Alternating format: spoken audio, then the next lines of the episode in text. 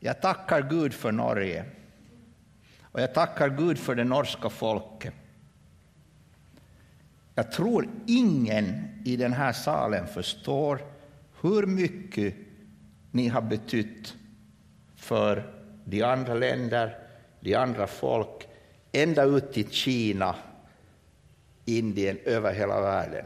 Genom den mission ni har gjort, genom de böner ni har bett, genom det liv ni har levt, genom de väckelser Gud har gett här i Norge. För mig är sånger som den som vi hörde bara ett exempel på den äh, nådefyllda, evangeliefyllda budskap som, som Norge har tagit ut i världen. Men det är kanske lika bra att ni inte vet det, så blir ni inte så stolta över det. Nej. Ni ska veta det när det blir svåra dagar och svåra tider att Norge har betytt väldigt, väldigt mycket. Också för oss i Finland, i Sverige, i Danmark som ofta talar om Norge som en storebror när det gäller andliga väckelserörelser. Uh, vilken förmån på Fars dag att predika om Jesus. Men jag måste säga något om mig själv först, för jag har blivit kommenderad att säga någonting om mig själv. Så äh, jag är, jag är äh, gift med en äh, kvinna som heter Irene. henne fann jag i Bibeln förstås. Varenda brev av Paulus börjar med att säga Irene åt dig. Så det var väldigt lätt att uppleva direkt command. Eh, eh, hon hade bett till Gud att hon skulle få gifta sig med någon som är verksam i Guds rike. Men på min 60-årsdag sa hon att om hon nu skulle be den bönen på nytt så skulle hon be, men måttligt.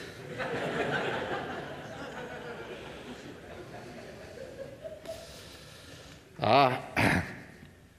Jag har tre barn. Eh, Två av dem försökte nå mig före klockan tio på morgonen idag. Eh, så det är jättehärligt.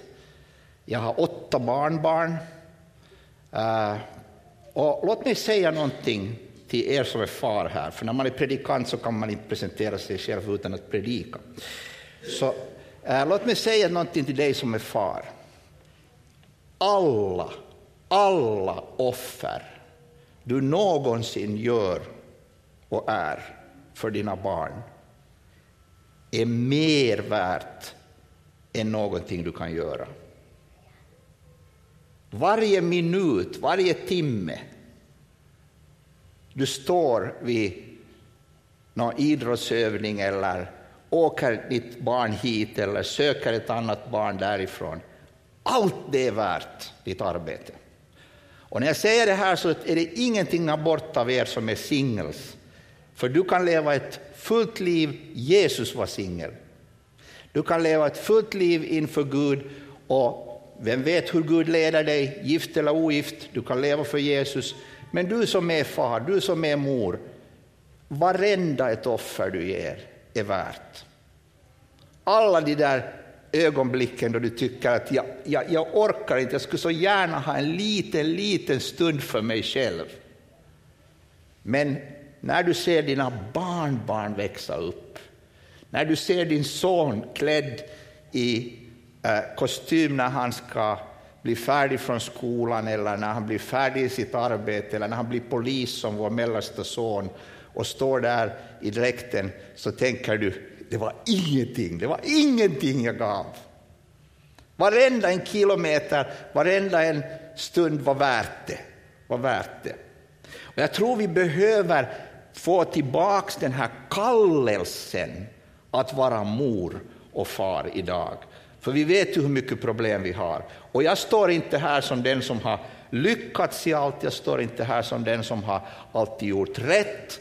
Jag har inte varit den perfekte far, jag har varit väldigt mycket borta hemifrån, så en gång när, när, jag, när, jag så, när vi såg på våra soner, söner med, med tårar i ögonen med, med Irene, så sa jag, eh, det är helt ofattbart att vi har kunnat äm, äm, äm, liksom växa, vara far och mor till de här och, och uppfostra dem så här bra. Så såg hon på mig, du menar, jag har uppfostrat dem. för, för dig såg man ju nästan aldrig. Men kom ihåg det, allt du ger är värt det. Och det slutar aldrig. Nu behövs dina böner, nu behövs din, din insats ända till slut. Ända till slut. Be för dina barnbarn, kämpa för dem, be till Gud. För de står alla i en kamp. Och morgondagens värld är svårare att leva som kristen än gårdagens värld. Nå, ska vi gå till Jesus då? Skriften alena har vi talat om, nåden alena, tron alena. Och så är det Kristus alena och till Guds ära alena. Vem var Kristus? Om vi ska sjunga av hela vårt hjärta och av hela vårt förstånd, du kan ta hela världen, men ge mig Jesus. Om vi ska sjunga det ärligt och av hela vårt hjärta, då måste vi se att Jesus är så stor, han är så mäktig för oss. Han är, han, han är någon som är värd att bli besjungen på det här sättet. Han är värd att vi sjunger Ta hela världen, men ge mig Jesus. Vad sa Jesus själv? I Nya testamentet presenteras Jesus av sig själv och av apostlarna, av sina lärjungar, som den som delar Guds ära, delar och har Guds e- egenskaper, bär Guds namn, gör Guds gärningar och delar Guds tron. Och det finns ingen annan som gör det. Det är bara Jesus. Jesus delar Guds ära. Han påstod att han förtjänar samma ära som Fadern. Vilket påstående! För att alla ska ära Sonen så som de ärar Fadern. Den som icke ärar Sonen, han ärar icke heller Fadern som har sänt honom. Jesus presenterar sig själv som Gud som är värd ära. I judendomen och i Gamla testamentet var det ju otänkbart att någon annan skulle få äran än Gud. Det var helt otänkbart. Alltså, det finns bara Gud som ska äras och vi alla andra är människor. Men nu kom denne en man från Galileen, han gick omkring i sandaler som alla andra hade, i en dräkt som alla andra. Han åt samma mat som de andra. Han sov. Han växte upp. Och han säger alla ska ära Sonen, det vill säga Jesus, som de ärar Fadern. Så han tar till sig Guds egen ära. Detta ledde till olika reaktioner. Vissa människor blev otroligt sinta på Jesus. De blev så arga att de sa att uh, han måste dö. Bort med honom. För ingen människa kan ju vara så där väldigt frän att han går upp och säger jag har samma ära som Gud. Men det gjorde Jesus. Och vi står här inför en som som, som, som inte liksom lämnar några val egentligen, utan ettdera måste vi tillbe honom som Gud, eller så måste vi säga att han är fullkomligt från sina sinnen, han är fullkomligt obalanserad, för ingen människa kan gå där och ta samma ära. Jo, det finns människor som är instängda på sjukhus och som påstår sig vara aposteln Paulus eller Abraham eller Jesus. Och det finns väldigt fräna irrlärare som säger detta. Vi hade just en på besök faktiskt i Finland, en som presenteras i, på, i, i, på nätet och, och av sin, sin, sin grupp som, som stöder honom som profet doktor Ovuro från Nigeria. Och han har predikat flera gånger i, i, i, i Finland och uh, över världen och han påstår sig ha gjort under. Och nu det senaste han sa på ett möte med massa pastorer och folk så sa doktor Ovuro, profet Ovuro, att eh, han har just kommit från en resa där han hade varit och skapat nya universum. Vad jag sa i Finland när vi hörde detta var att om du sitter på ett sådant möte så har du väldigt enkelt val. Det enda du behöver är se dig om det kring om det finns en dörr där det står exit. Och så brukar du den så snabbt du kan. För han är från sina sinnen. Och han borde få hjälp. Absolut, borde få hjälp. Men det finns kristna människor som går på de här mötena, som ger pengar till det här arbetet, som sitter där. Och jag hittar inte på det här, vi har det på video. Men Jesus, han är annorlunda.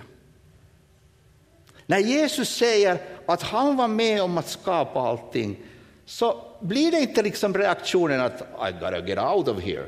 Du behöver inte gå ut därför att du, du, du, du, du liksom stannar. Du börjar fundera, ja men han är så autentisk, han är så äkta. Tänk om detta är denna Messias som vissa judar sa. Tänk om det är denna Messias. Andra blev arga, gick bort, men vissa sa, tänk om det är verkligen Gud som nu har blivit människa. Och så följde de med hans liv och vissa av dem blev så övertygade att de till slut sa att de är beredda att dö för denne Jesus, därför att de såg att hans liv var äkta.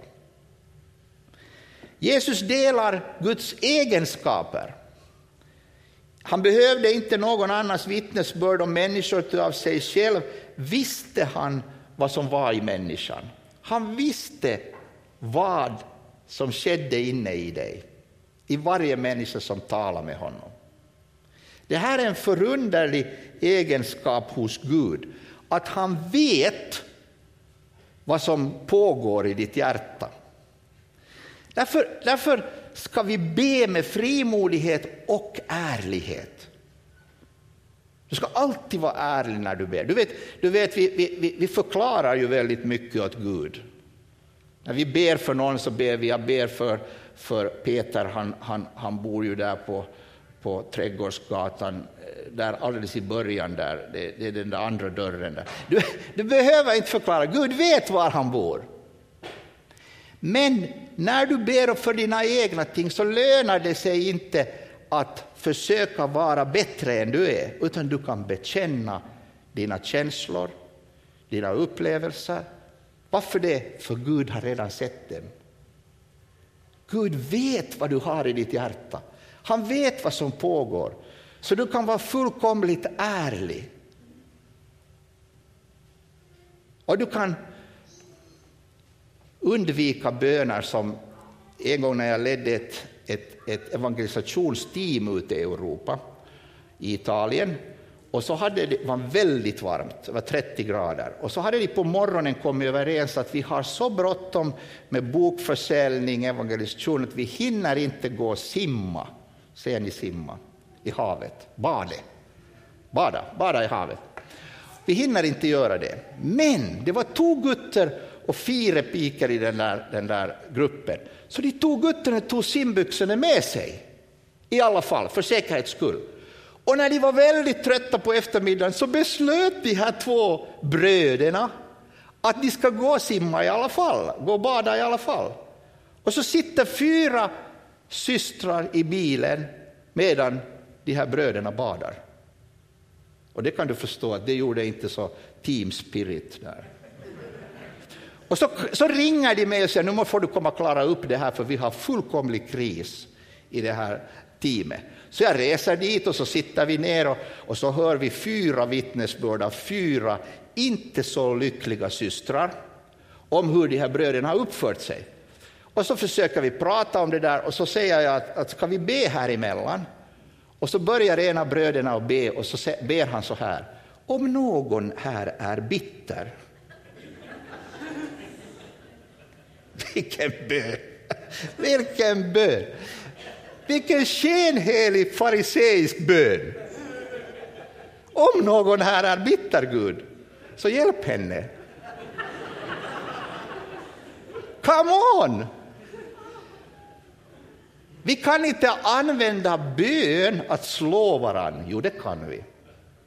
Det har jag hört flera gånger under mitt liv.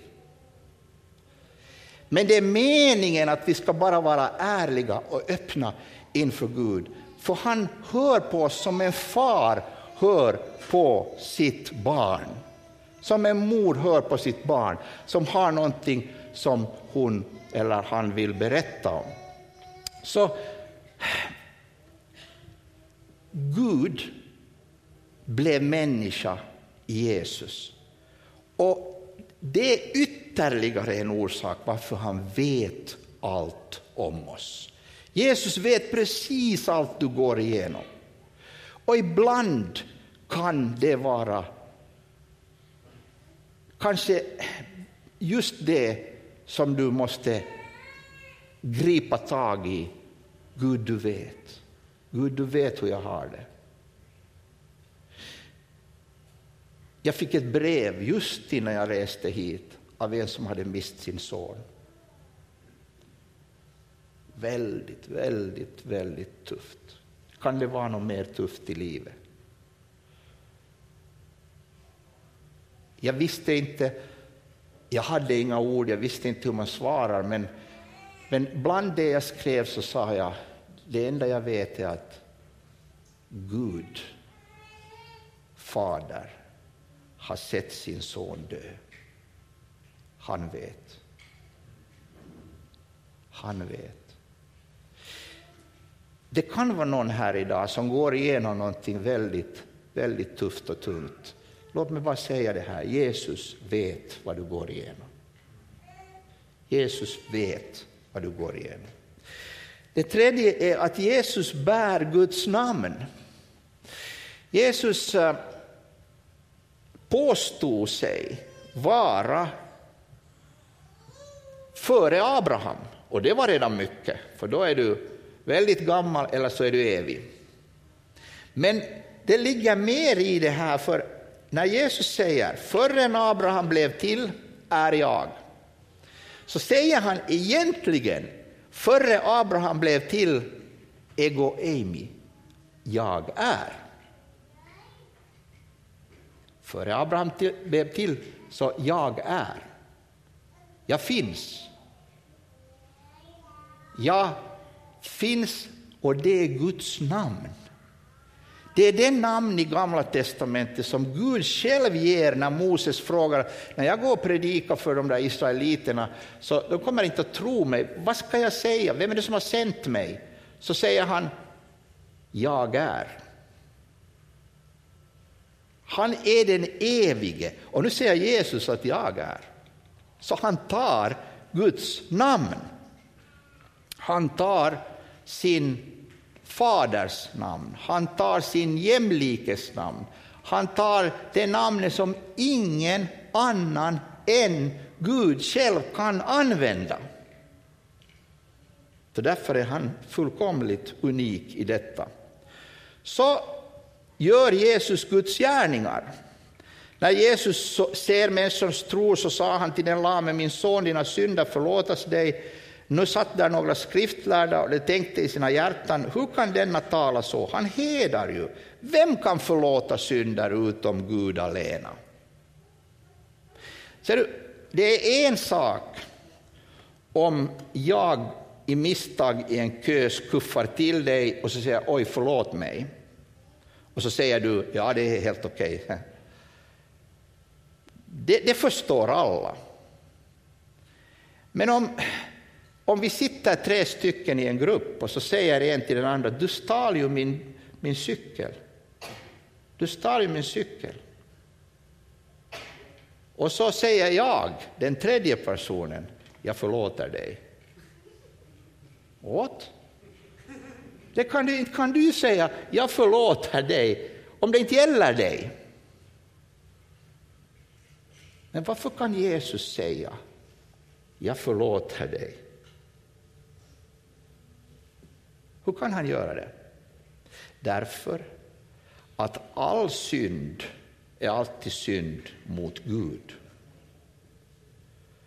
Om du syndar mot din man, din fru, dina barn, dina föräldrar, din arbetskamrat, vem som helst. Om du syndar mot någon människa så är det aldrig bara mot en människa du syndar, det är alltid också mot Gud. När du har sårat din, vem det nu är, arbetskamrat, make, maka, så har du sårat Gud samtidigt, för han är den människans skapare och den människan bär hans bild. Så du sårar en representant, en som är skapad, kanske ett Guds barn. Så det är Gud du har sårat när du sårar en annan människa. Och det här är ju någonting som gör att vi behöver förlåtelse, inte sant? Vi behöver komma till Jesus och säga, jag har gjort så mycket fel mot dig, mot äh, din far, därför att alla mina synder i sista hand är mot Gud. Men då kan Gud också i Jesus vara den som har rätt att säga, du är förlåten, jag förlåter dig. Jesus hade denna rätt och han skaffade den på Golgata kors. Vi är frälsta av den nåd. Sen för det femte så delar Jesus Guds tron. Jesus säger äh, åt en man som han talar med, du har själv sagt det, men jag säger er, härefter ska ni få se Människosonen sitta på maktens högra sida och komma på himmelens skyar. Det här var en väldigt intressant situation. För eh, de beskyllde honom för att heda Gud. Och de eh, påstod att de har makt över Jesu liv. Och Jesus bara står där och han är beredd att ta emot all den smärta och all lidelse och gå till korset. Men så påminner han dem också att Människosonen kommer att sitta på maktens högra sida och komma på himmelens skyar och ni ska få se det. Det är väldigt viktigt att du kommer ihåg auktoritet situationen, eh, vilken den egentligen är. En gång när jag satt på ett kyrkomöte och så, så, så, så, så, så gjorde de ett dåligt beslut ur biblisk och väckelsekristen synpunkt. Så, uh, sände jag ett textmeddelande till min vän som sitter lite mer bakåt. Och så sa jag i textmeddelandet, hur i hela världen kan en biskop säga så där? Så fick jag ett svar, ett textmeddelande. Han är inte Gud. Väldigt god påminnelse. Kom ihåg det, du är inte Gud. Han är inte, hon är inte, Gud är Gud. Och det betyder att Jesus är också Gud. Och det betyder att vi måste tänka efter vad vi egentligen lovar. Vad är det vi lovar? Lovar vi att om du följer Jesus så kommer du att få ett lyckligt liv alltigenom utan att du måste gå igenom svåra, väldigt svåra och nästan omäktligt svåra saker. Nej, det kan jag inte lova. Det kan ingen människa lova. För livet är ibland så hårt att vi är utan ord. Vi kan, inte, vi, vi kan ingenting säga, vi bara sitter där och kanske som bäst håller varandra i hand. Så du kan inte lova någon människa att om Jesus kommer in i ditt liv så kommer du att beskyddas från allt ont. Men jag kan lova dig en sak. Han som delar Guds tron, han som vet allt om dig, han är med dig. Han är vid din sida. Kommer jag alltid att uppleva det? Nej. Kommer jag att känna det i mina känslor? Nej. Men han har lovat det. Och han är där. Han är där i den mörkaste ögonblick. Han är där när du tror att nu är det slut med allt. Ibland ser situationerna väldigt dramatiska ut. Jag kommer ihåg en jul, väldigt vacker jul i Finland. Eh, snö på marken, eh, granar i och ljus överallt. Och så hade vi ett gräl hemma. Jag är predikant, jag är teolog, hon är diakon, sjuksköterska allt möjligt annat. Och ändå grälade vi så att jag gick ut. Jag vet att det här aldrig sker i Norge, så ni ser så förbluffade ut. Men vi hade ett gräl, så jag gick ut. Snön under skorna, äh, väldigt vackert, solen sken och jag tänkte, åh, åh det, det, hur ska vi komma igenom det här? Hur ska vi komma över det här? Så fick jag en idé. Gå och köp blommor. Gå och köp en bukett, ni ser blommor va? Ja? Och så tänkte jag, det är det löjligaste. Men okej. Okay. Och så visste jag att det var Guds ledning för det var rabatt. Men det ska du aldrig berätta. För det är liksom, det är, inte så bra. Jag fick de här mycket billigt. Men jag köpte dubbelbukett, jättestor. Och så gick jag och, det, och så ringde jag på dörrklockan och så stod jag så här. Och så hände ingenting på första sekunden, andra sekunden. Och så började det liksom välla upp inom mig att om inte det här räcker. och så, så, så, vände jag mig om och så såg jag tårarna i hennes ögon. Och så grät vi och så bad vi om förlåtelse och så hade vi en härlig jul. Jesus vet, men ibland måste han leda dig till att göra bättring, att vända om. Du kanske måste ringa upp, du kanske måste besöka någon, du kanske måste gå till någon och säga förlåt mig. Jag har gjort fel. Det var mitt fel, jag har inga undskyldningar. Och det kallar Gud oss till. Men han förlåter dig innan du hinner förlåta den andra.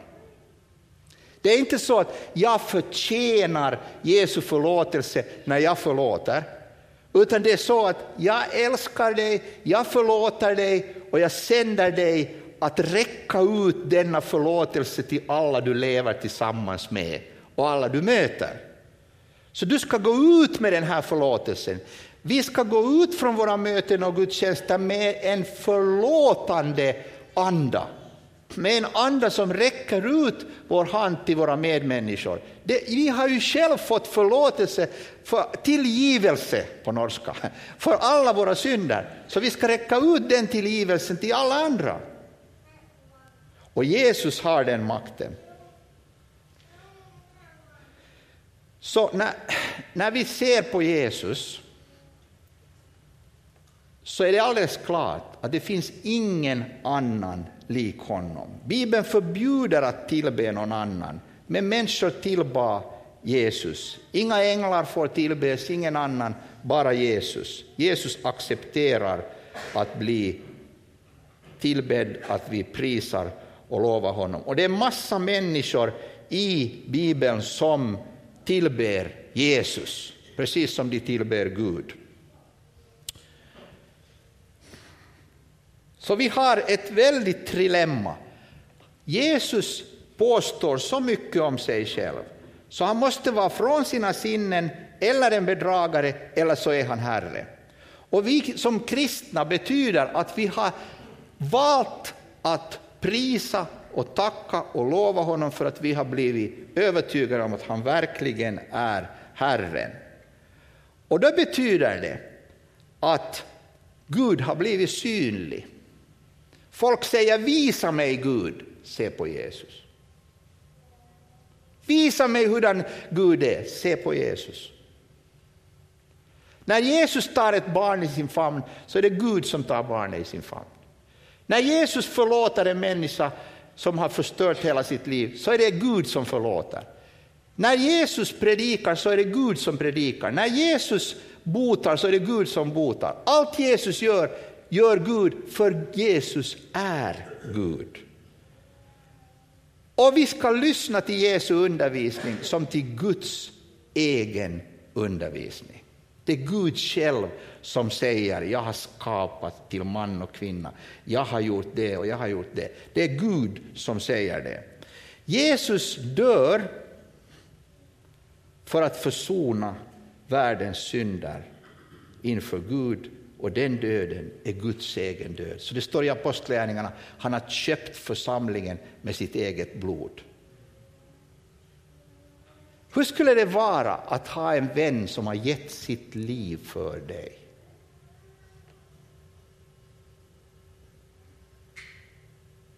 Vi har en sån vän.